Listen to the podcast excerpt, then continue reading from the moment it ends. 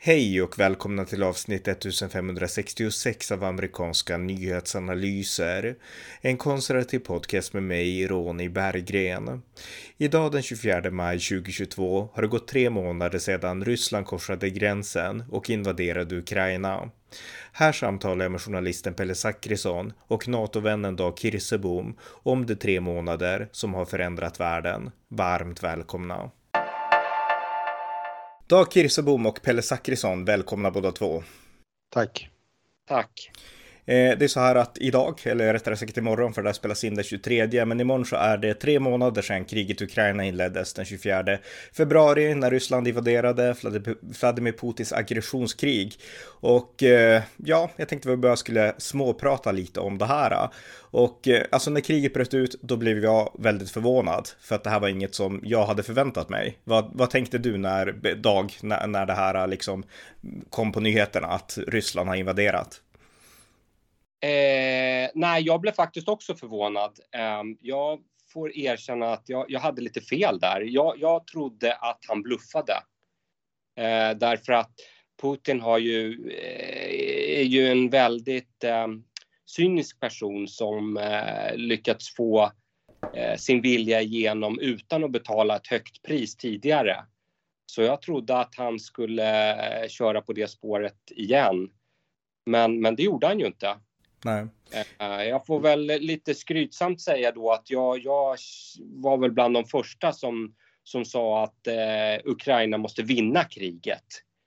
Eh, och det är ju mer och mer folk som har snappat upp det perspektivet nu då. då. Ja, och du då Pelle, hur, hur, vad, ja. vad tänkte du när kriget började? Ja, nej, jag kommer ihåg eh, de där dagarna väldigt väl. Vi bevakade det där och eh, jag jag hade intervjuat en, eh, en kille som jobbade för amerikanska Council of Foreign Relations ett par veckor innan och han hade sagt att eh, det handlade om att eh, försöka ja, förhandla med Putin och han trodde inte att det skulle bli någonting. Och det här, när jag intervjuade honom, då hade britterna, om ni kommer ihåg det, de pratade då om att ryssarna hade planer på att försöka ta sig, eller att Putin hade planer på att ta sig in till Kiev och eh, avsätta Zelensky och eh, göra en statskupp. Och eh, han var, den här killen som jag intervjuade då, han var liksom skeptisk till de här uppgifterna. Jag, sen var det ju sådär att ett par dagar innan så inledde ju, då hade ju Putin förklarat de här eh, delar, östra delarna av Ukraina som självständiga, erkänt dem som er, självständiga stater. Så det fanns ju en uppeskalering. Och jag kommer ihåg den där morgonen att det var som en mardröm. Jag tyckte det var fruktansvärt. Och um, nu är kriget här, det rullar in och det, ehm, men så var det ganska snabbt så var det folk som påminde om att Zelensky hade redan under hösten varnat för då hade han sagt liksom att det fanns trupper, 100 000 ryska soldater längs gränsen. Han skojar inte, det är inget skämt. Han kommer att ta sig in i Ukraina. Att Zelensky hade varit väldigt tydlig med att det här är ett reellt hot, men att ingen hade lyssnat. Och ja, jag, ja, jag, också, blev också lite, jag blev också lite tagen på sängen av, av att eh, Putin skulle göra verklighet av en, en fullskalig invasion. Mm. Och jag menar, alltså det som förvånade redan från början, det var ju dels, eh, ja, dels såklart att det skedde, invasionen skedde, men också det som förskräckte med invasionen, och jag menar verkligen förskräckte, det var ju den här brutaliteten som vi kunde se. Jag menar, vi har de krig vi är uppväxta med, de har utspelat sig i Afrika, de har utspelat sig i Asien, de har inte utspelat sig i Europa. Möjligtvis då på Balkan såklart, jag har ingen personlig koppling dit, men där möjligtvis då. Men den här äh, formen av totala krigföring, alltså det här var ju som att kastas tillbaks till andra världskriget kändes det som, tyckte jag i alla fall. Kände du också så idag? Ja, nej, jag tyckte det var väldigt intressant det där äh, som Pelle tog upp. Ehm, det, det, som hände dagarna innan kriget började. För att den här, äh, om, om, ni minns den här äh, mycket märkliga mötet de hade när de, de då erkände Donetsk folkrepublik och Lugansk folkrepublik. Det var ju det här där de skulle gå upp då en och en och hålla med Putin. Jag tror det var typ den 21 februari. Men då, då tänkte man ju lite att eh, Jaha, men då, då kanske det inte blir krig då, för nu har de ju liksom erkänt de där och, och, och de har ju redan ett territorium och, och så vidare. Ja, då stannar så, det där. Ja, så stannar det där. Men så gick det, det, det, om det var typ den 23 februari, ja, men då var det, då, då plötsligen så, så specificerades det där med att Ja, men det gäller ju Lugansk oblast och Donetsk oblast och de hade ju liksom, det var ju mycket större territorium än det de hade. Så då förstod man ju att nej, men nu blir det ju något slags krig för att eh, det kommer inte Ukraina gå med på att de liksom ska backa till de där oblastgränserna. Fast fortfarande var det ju då att det skulle bli någonting i östra Ukraina för det var bara snack om det. Men, men, eh, men sen blev det ju det här att de, de trodde att de skulle kunna ta, ta Kiev där enkelt då förhållandevis. Och, och, och, och, det som du är inne på nu då, då Ronny, med, med andra världskriget och, och liksom tankkrigföring och så vidare. Ja, det har det ju lite blivit nu då när inte det där eh, blitzkrig som de planerade från början, när inte det eh, fungerade så har det ju blivit mer det här gamla andra världskriget med artilleri och så vidare. Det, det är det de har fått återgå till för det är ju det är ju det ryssarna kan, liksom den slags krigföringen. Mm. Ja, du har rätt. Det tog några dagar innan, innan den tunga krigföringen började, så man har nästan glömt att det hänt så många händelser. Men det jag minns där från början, det var ju den här stora konvojen av stridsvagnar som sakta tog sig genom Ukraina på väg mot Kiev och sen plötsligt bara efter några dagar så stod de stilla och eh, hela världen tänkte varför står de stilla? Och idag vet vi väl att logistiken inte var så bra och sådär, men det var också förvånande för man tänkte att oj, vilket krigsmaskineri. Sen så stannade allt upp ungefär. En, en av, men man kan ju inte tala om de första dagarna utan att prata om eh, president Volodymyr eh, Zelensky. Utan, utan Zelensky tror jag inte att vi hade varit där vi är idag. Ehm, jag, jag följde Fox News bevakning rätt. Eh, det var egentligen min primära nyhetskälla under inledningen. Jag tyckte de hade en bra bevakning. De hade satte bland annat upp en kamera inne i Kiev för att liksom som gick nonstop för, för att kunna liksom kom, om ryssarna till slut kom in då kunde man väl, tanken var att då skulle man se att, att Kiev föll då. Men det gjorde aldrig Kiev. Så nu har man slutat med den här kameran som mm. sitter inne i centrala Kiev. Men eh, en av de här generalerna, ex-generalerna som intervjuas eh, på, med, reg, med regelbundenhet på Fox News, han sa det att vi måste ta ut Zelensky från Kiev för att om vi inte gör det så kommer han att tas till fånga och han kommer bli avrättad och eh, han kommer användas för att knäcka ukrainarna. Och vi vet ju vad som hände. Zelensky stannade och vände på hela eh, spelplanen. Han, han har eh, blivit liksom en symbol för, man ska aldrig sätta en människa på en piedestal. Det tycker jag är otroligt viktigt. Men Zelenskys ledarskap de där dagarna och de där veckorna var helt avgörande tror jag för, mm. att, för att Ukraina skulle vända på steken. Inte bara, in, bara, inte bara inne i landet utan även internationellt för att få det här stödet, att sätta press på länder att hjälpa. Och det var många länder som egentligen spelade, initialt spelade på att ja, men Ryss, låt de här låt eh, Ryssland ta Ukraina eller Ryssland kommer att ta Ukraina. Så Dag, det du var inne på det är att folk Idag så är ju alla inställda, mer eller mindre, förutom några stollar, inställda på att Ukraina ska, kommer förmodligen att vinna det här och de måste vinna det här. För att det är någonstans linjen i sanden, den röda linjen i sanden mot Ryssland är i Ukraina. Mm.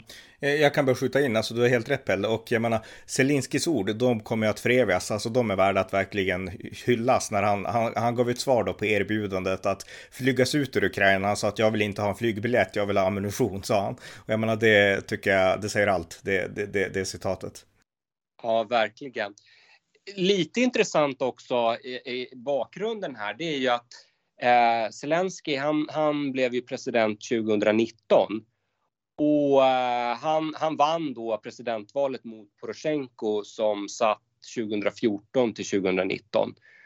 och lite det Zelensky var inne på då, det är eh, eh, att, eh, som gjorde att han vann, det var att han, han, han sa att vi, vi måste få fred med Putin. Jag, jag, jag ska sätta mig ner med honom och, och vi, vi, vi ska ha ett fredsavtal. Så, så han, han var lite mildare då liksom än vad Poroshenko var, för Poroshenko var alltid sedd som väldigt tuff då och, och, skulle stå upp. Och, och det, var ju, det var ju mycket upprustning under de åren som Poroshenko var, var president. Om jag bara får, skjuta in, får jag skjuta in en sak Dag? Alltså, jag ja. har sett ett tal när Poroshenko talar inför USAs kongress och där är han, han är stenhård. Alltså, han menar att vi är på västvärldens sida och USA måste hjälpa oss och nu gäller det att vi står upp mot Ryssland. Så att jag har sett honom tala. Han var verkligen, han var en hök kan man säga. Ja, alltså Zelensky, uppfatt, Zelensky uppfattades ju som att ha en något mildare Rysslandslinje. Jag ska inte säga att han var eh, prorysk på något sätt, men han hade ju definitivt uppfattats som en, någon som ville by, bygga relation med, med Putin. En duva. Ja. ja. Så, så, så, jag har ju sett flera intervjuer med Poroshenko nu. Han är ju också i Kiev nu och, och, och, och liksom står med, med eh, militärer bakom sig och sådär. Va? Så han, han, han, och han ger jättebra intervjuer också och han är stenhård alltså. Men, men det, det är lite det Zelenskyj är ju lite en, en yngre generation och, och, just det här som, som du var inne på där Pelle med att han är så bra på kommunikation. Va? Och, och det var så viktigt, speciellt de där första dagarna. Det, det, det, det, hade nog inte Poroshenko kunnat vara lika bra som Zelensky. Just det här med, med liksom att lägga upp videoklipp och jo, jo, det, det, där, eller det som du sa Ronny, det där med jag behöver inte, I don't need a ride, I need ammunition och, eh, och, och, och, och, typ den första natten där alltså, så, så gick han ut på gatan liksom och filmade sig själv och sa jag är här och han är här och han, han gick med sina då närmsta där. Vi, vi är här allihopa. Eh, så, så eh, det, han var fantastiskt bra där, just, just det där att sprida sprida kampviljan i början. Ja, och, och därtill då, som Pelle var inne på, så även där när han, han var, vart ju ansiktet utåt internationellt också, alltså alla hans Zoom-möten som han håller på med fortfarande, alltså till världens alla ledare. Det var ju en, jag tror ingen har gjort så någonsin i ett krig, men det var ju en total succé, eller hur Pelle? Ja. Nej, precis. Det var ju en, en av anledningarna till att han har lyckats få få kontinuerligt, eller till att Ukraina har fått kontinuerligt stöd anser jag. Det, det tror jag inte Eh, är någon som tvivlar på det. Men om man ska prata om någonting som har varit, eh, alltså krigets fasor har ju verkligen visat sig i Ukraina. Butja är ju någonting som, det är ju, det är ju en sån här, eh, tar man upp, säger man bara Butja så vet ju folk vad man pratar om oftast. Alltså det handlar om fruktansvärda övergrepp som ryska soldater eh, då har gjort mot eh, ukrainska civila. Och alltså det folk ja, det är uppgifter som nu är det väl ingen som har officiellt sagt att ja, det här är folkmord, men det kan jag, jag, ska säga, jag skulle säga att det här är folkmord utan vidare inne i, i Ukraina. Mm. Uh, och man har, man har um, begått fruktansvärda krigsbrott. Och, och det är uh, att, att ryska trupper kan förmås göra det där mot uh, ukrainsk civilbefolkning. Ja, det, är, det vore naivt att säga att, ja, för, att man för, förvånas över det för att liksom, stridande trupper har ju gjort det där i, i generationer. Men det är lika fruktansvärt varje gång. Mm. Och eh, alltså just Ryssland, det är väl det, alltså, det förvånas också att det görs i Europa, att Ryssland liksom verkar inte ha lärt sig något av historien. Därför att jag menar, Ryssland har ju, vi har pratat om det, du och jag Dag, ganska ofta alltså, som rysk historia. Ryssland har ju det här eh, i blodet nästan, att vara väldigt brutala i sina krig. Ja, det, det är ju inte det att det är ett självändamål, va? Utan de ville ju, de trodde ju verkligen på det där, eh, sitt eget snack i början, att de, de, deras armé är så fantastiskt bra och de kommer vinna på tre dagar. Jag, jag, tror verkligen de, de trodde på det där själva, att de skulle ta Kiev på tre dagar och göra en statskupp och så vidare. Va? Men sen, men, men när det då kommer till kritan, ja men om vi får liksom köra artillerield och jämna allt med marken, om, om, om vi måste göra det för att vinna, ja men då gör vi det. det, det, det är inte mer komplicerat än så. Nej, och, och det här väckte ju också för att, eh, alltså det här väckte ju också på något sätt engagemanget, även lidandet, Zelenskis ledarskap, men också när vi såg lidandet från omvärlden. Och det fick Sverige till exempel att skicka vapen till Ukraina och det fick egentligen hela västvärlden åtminstone att verkligen känna att vi stöder Ukraina. Men sen fanns det också ett annat orosmoln här i bakgrunden och det var hotet från kärnvapen. Och det här var ju någonting som Putin orerade om redan från början. Han sa att när han höll sitt krigstal att om, om väst lägger sig i då minsann kommer ni att utsättas för någonting som ni aldrig har sett. Och det uppstod ju ändå en viss rädsla för kärnvapen. Det har lugnat sig lite grann nu tror jag. Men, men jag minns att jag kände att oj då, det här är, det var första gången jag personligen kände att kärnvapen, alltså det är inget jag har reflekterat över, men man började känna lite grann, alltså rädslan för kärnvapen. Eh, kände ni på något sätt något liknande? Nej, ja, eh, nej, nej, det gjorde jag nog inte. För jag, jag tänkte att eh, det här, det, han vill inte dö. Putin vill inte dö. Så tänkte jag. Att, och om han pressas hela vägen då kommer han vara tvingad att trycka på kärnvapenknappen och då kommer han ju själv att dö och det är inte rationellt agerat. Jag, jag, eh, jag, jag, jag irriterar mig på en gång det här med, med, med Biden. Han, han, kunde knappt öppna munnen utan att han började prata om eh, tredje världskriget och kärnvapen och så vidare. Det, det spelar helt i deras händer. Det, det där är vad det där liksom. Putin, han, han vill ha eh, han vill vinna utan att behöva, utan att behöva använda kärnvapen. Eh, eh, eh och, och eh, jag skulle nästan säga tvärtom. Om Ryssland hade tagit Ukraina ganska enkelt, då hade sannolikheten för kärnvapen ökat. För då hade definitivt Baltikum varit näst på tur. Och då hade, då hade ju eh, då hade Nato eh, varit tvungna verkligen att direkt kriga med Ryssland. Så att, så att jag tror att det här att Ukraina står upp mot Ryssland, det minskar risken för att det blir kärnvapenkrig. Mm. En sak till, för du har rätt, jag menar, den här rädslan som, eller rädslan, men obehaget som jag kände, det, det framkom verkligen i både Joe Biden och i, i Jens Stoltenberg, alltså varenda tal de höll där i början, det var att vi kan inte, vi kan inte göra mer än så här för Ukraina, för då kanske han trycker på knappen. Alltså den här ja. rädslan präglade verkligen det, våra insatser. Det är precis ja. den reaktionen han är ute efter mm. såklart. Mm. Ja, Eh, en annan sak som hände som konsekvens av det här kriget då, det är att Sverige och Finland har nu beslutat efter en, jag tänkte säga lång, men ändå relativt hyfsat lång process ändå, några månader och veckor, det var inte en dag, men vi har ändå relativt snabbt eh, valt att och beslutat att gå med i NATO. Och det här var ju såklart väldigt glädjande, tycker jag, men också ändå ganska oväntat. Det här var inget man kunde liksom tänka sig för ett år sedan. Ja, det beror på när du startar. Om du startar du startar och ställer du frågan för två månader eller i samband med krigsutbrottet, då tycker jag att det är ganska väntat att Sverige går med i NATO. Men som du säger, hade du frågat för, för ett år sedan så är det ju klart att det är oväntat. Men konsekvensen av Rysslands invasionskrig är att Sverige söker sig till NATO. Det, det tycker jag är ganska, jag tycker det är ganska logiskt. Mm. Och du, du, ja. Dag, ja, du Dag, du är ja. NATO-vän, så säg någonting här. ja, ja, men alltså om vi kopplar återigen då till, till eh, kriget och Putin och sådär. Jag menar, det, det, det är ju samma sak där va. Att, eh, att eh, han håller på och hotar och har sig och, och sen när, när eh, man står upp mot honom och inte backar, nej men då ger han sig. Ni, ni kommer ihåg att det började ju i, i december med att Ryssland hade någon slags kravlista mot väst för, för, eh, för att inte anfalla Ukraina. Och en av den, den kanske viktigaste punkten det var NATO får inte utvidgas. Kommer ni ihåg den där listan mm. de hade ja. i december? Ja. ja, en av punkterna, den, den typ första punkten, NATO får inte utvidgas och det var ju inte liksom Ukraina får inte gå med i NATO utan det får NATO får inte utvidgas. Och det är ju det Niinistö, han har ju hänvisat till det flera gånger nu. Det var ju då han reagerade så otroligt kraftigt. Han, har, så, ja, så att, han höll ju ett nyårstal. Offi, officiell rysk politik var Sverige får inte gå med i NATO.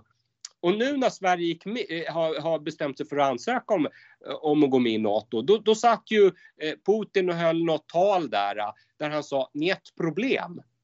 Så mm. då, och, och, då var det istället, det får inte bli militärbaser i Sverige. Så det, det, de har, han har redan retirerat där, va? från att Sverige får inte gå med i NATO till det får inte bli militärbaser, NATO-baser i Sverige. Så man, man måste stå upp mot Putin, då backar han. Mm. Ja, det, det, visar ju, det visar ju den här när Turkiet sköt ner det ryska planet vid syriska, syrisk-turkiska gränsen, om det var 2015. Ja. Det, ja, han, han kött som en stucken gris över att eh, turkarna gjorde det. Men turkarna är ett, Turkiet är ett NATO-land.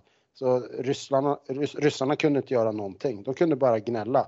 Ett år ja. senare eller någonting sånt där, då bjöd han in Erdogan till Moskva och, för att bli kompis med honom. Så att det är liksom, det är peace through strength. Det är ju Reagans gamla, para, liksom, gamla doktrin som, som kommer ända tillbaka från Barry Goldwater. Så att det där, det är eh, fred genom styrka. Mm. Det är inte svårare. Verkligen, helt klockrent, exakt så är det. Och där innebär det ju att styrkan nu håller på att, eh, Putin håller på att förlora sin styrka. Så man kan säga att de flesta bedömare säger att kriget, Rysslands krig i Ukraina, det är förlorat. Det finns fortfarande några alternativ, kärnvapen är ett och ett annat är en total folkmobilisering, alltså ett riktigt krig som under andra världskriget. Men inget av det är sådär jättetro, alltså det är inte sannolikt helt enkelt. Så att Putin verkar bli en förlorare och de här filmklippen vi har fått se från Putin, från Moskva som han själv har skickat ut för att framstå som en ledare. Där har han ju nästan sett sjuk ut. Alltså det, det, det, man har visat videon för att visa att han är en ledare, men han har suttit på sin stol och skakat och sett ut som att han lider av någon sjukdom och sådär. Eh, vad tänker ni om Putins eh, framtid, hans ledarskap och eh, konsekvenserna som det kan få för Ryssland nu? Eh, jag skulle säga att det är viktigt här, det är någonting som jag tycker man får lära sig av Rysslands invasionskrig av Ukraina, det är att man ska inte hålla på och önsketänka utan man ska utgå från fakta. Och vi vet ingenting om Putins hälsa och att eh, gissa att han är, jag har sett en del spekulationer om blodcancer, om Parkinson och Alzheimer och allting. Ja, ni hör ju, det är en massa olika såna spekulationer. Vi vet ingenting om det där. Han kan vara jävligt eh, frisk, men var, han kan vara helt frisk men vara utarbetad, stressad och gå upp i vikt på grund av det. Och att det är inget konstigare än så. Jag tycker inte att man ska eh, hålla på och spekulera och önsketänka att han är sjuk. Det, vi, vi vet att han är ledare över Ryssland, punkt och ända tills vi vet någonting annat så är det det vi har att förhålla oss till. Däremot så skulle jag säga att läget där vi befinner oss nu i maj, i slutet av maj, är väldigt mycket mer hoppfullt än det var när Ukraina var, eh, blev invaderat den 24 februari. För då trodde jag att eh, nu är det en ny, ny eh, världsordning där Ryssland, ett mycket starkare och farligare Ryssland. Nu tror jag att det kan vara en ny världsordning där, för att förr eller senare så var den här konflikten tvungen att tas och nu ser det ut som att Ryssland har blivit brandskattat på militära trupper.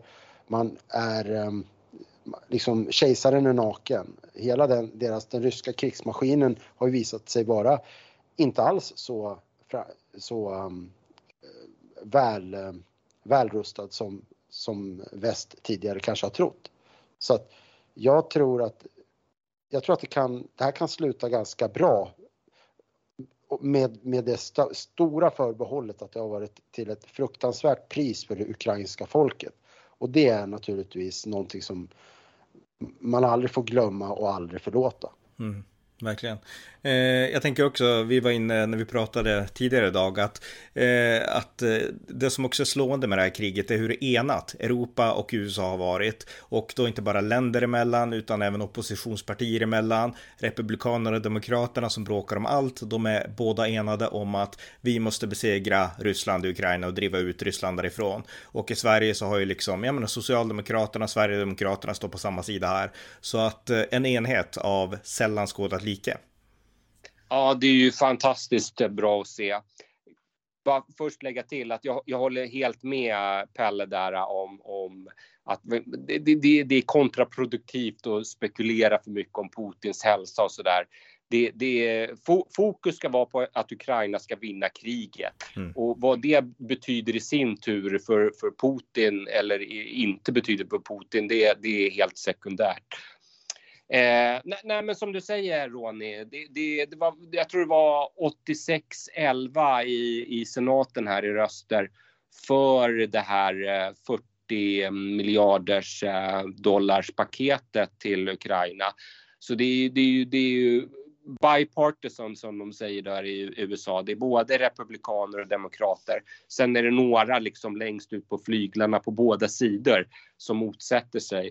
Och, och, och som du också var, var inne på eh, motsvarande i Sverige då. Nu, nu har det verkligen blivit eh, eh, eh från eh, sossarna till SD och sen är det ja, ja, det är ju till höger så är det väl Alternativ för Sverige då som motsätter sig eh, eh, NATO-medlemskap och sådär. Och sen, sen har du Vänsterpartiet och viss del Miljöpartiet på andra sidan. Eh, så, så det är ju otroligt positivt att, att det är en sån... Eh, ja, Putin har verkligen lyckats ena eh, både USA och Europa och, och liksom de flesta partier och sådär. Mm. Om, man tar, om, man tar, om man tar Republikanerna i USA, jag tänker den här grejen med det här stödpaketet. Jag tror att, för det är ju enorma summor pengar, men jag tror att det är viktigt för Republikanerna och att inte bara säga att ja, men självklart ska vi stödja Ukraina, utan också att förankra och förklara varför det är viktigt att göra det. Det är, skälet att göra det är ju att Ryssland är ett, utgör ett hot på lång sikt mot en amerikansk eh, ekonomi, amerikansk import. Om man inte stoppar Ryssland nu, då innebär det eh, sannolikt att den amerikanska hegemonin, den amerikanska fria handeln och så vidare kommer att påverka, påverkas på längre sikt. Det kommer förändra alltså det man ser inne i USA idag i form av frihandel, import och så vidare, export. Det kommer att, den friheten kommer minska och det kommer att på sikt påverka även amerikaner. Och därför, de måste ju förankra det här, de här 40, det är 40 miljarder dollar tror jag va? Och de måste man ju förklara. Man kan inte bara säga ja, men det är klart att det är viktigt och sen vifta undan människors oro. Och jag tror att man kan inte som sagt bara vifta undan det utan det, man får förklara det. För att mm. sådär, det, ja. ja. Nej, nej, men absolut. Jag menar, jag menar eh, eh, Trump, han, han eh, var ju helt inne på rätt spår med det här med att Europa betalar för lite. Han höll på att tjata om där att NATO-länderna inte betalade 2% hela tiden. Han ja. var helt rätt ute med det här med Nord Stream och, och läxade upp Merkel eh, eh, eh för, för att hon köpte gas från, eh, från Ryssland. Så, så Trump har ju fått jätterätt i de här grundläggande frågorna. Men det behöver inte stå i motsatsförhållande Nej, då, till, till att ge pengar nu till Ukraina. Så, det, så det, det är väldigt viktigt att hålla de två bollarna i luften samtidigt.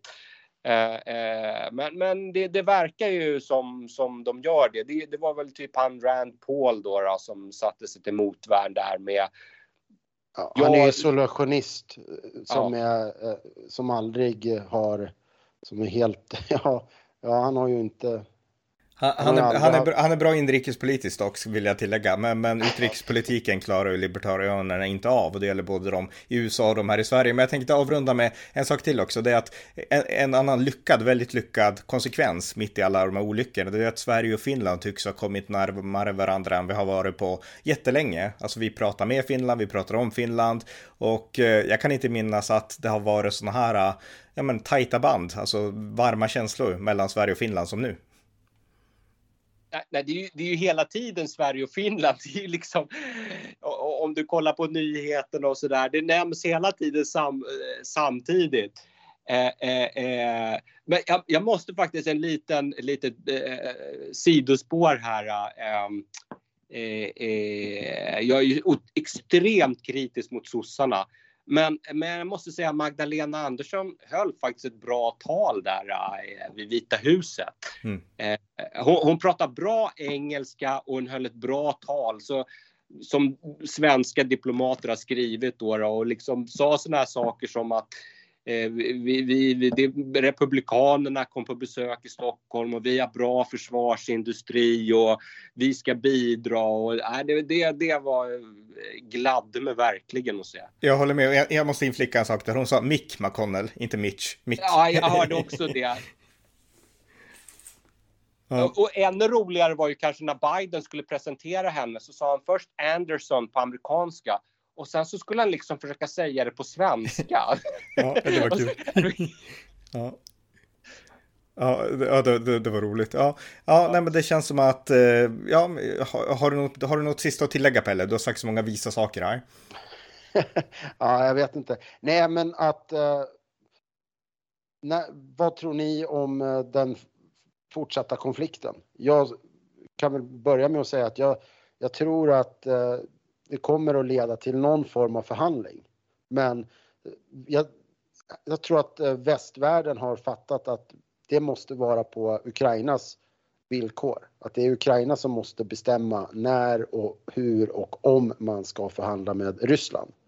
Det, alltså det låter ju ganska självklart egentligen, men, men att man har landat där nu att det är, det är Zelensky och de, alltså det ukrainska folket som måste avgöra om man vill förhandla med Ryssland om en fred, ett, liksom ett fredsavtal. Mm. Ge, ge, ditt perspektiv på det, Dag. Jag, jag är hök, ingen förhandling. ja, Ukraina jag... måste vinna.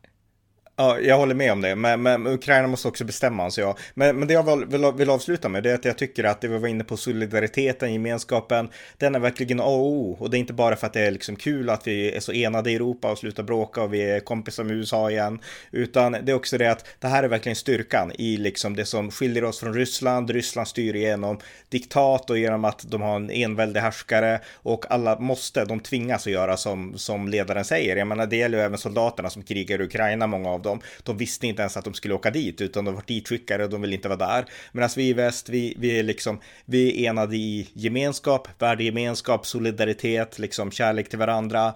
Och det tycker jag är någonting som, det är det som har gjort att, att, att vi har kunnat sluta upp bakom Ukraina och att Ukraina också har kunnat stå emot Ryssland under de här tre månaderna. Så att fortsatt solidaritet är väl min sista maning med det. Ja, ja bara en, en sak där om Ukraina och konflikten med Ryssland är ju på något sätt en återfö liksom att eh, en revival för, för nationalismen. Ja, verkligen, definitivt. Och den sunda, goda nationalismen som vi nästan aldrig pratar om i, i västra Europa i alla fall. Ja, så att eh, det är väl, det kan väl vara någon form av slutord då att, mm. att uh, Ukraina visar vägen för en, en sund och, och hälsosam nationalism. Jättebra. Men tack så mycket Pelle och Dag. Ja, tack själv Ronny. Tack. Ukrainas folk kämpar uthålligt och behöver stöd. Jag vill därför mana er som lyssnar att skänka en slant till valfri organisation som stöder Ukraina i dessa krigstider. Europeisk solidaritet är just nu vårt viktigaste verktyg. Det var allt för denna gång. Tack för att ni lyssnar på amerikanska nyhetsanalyser.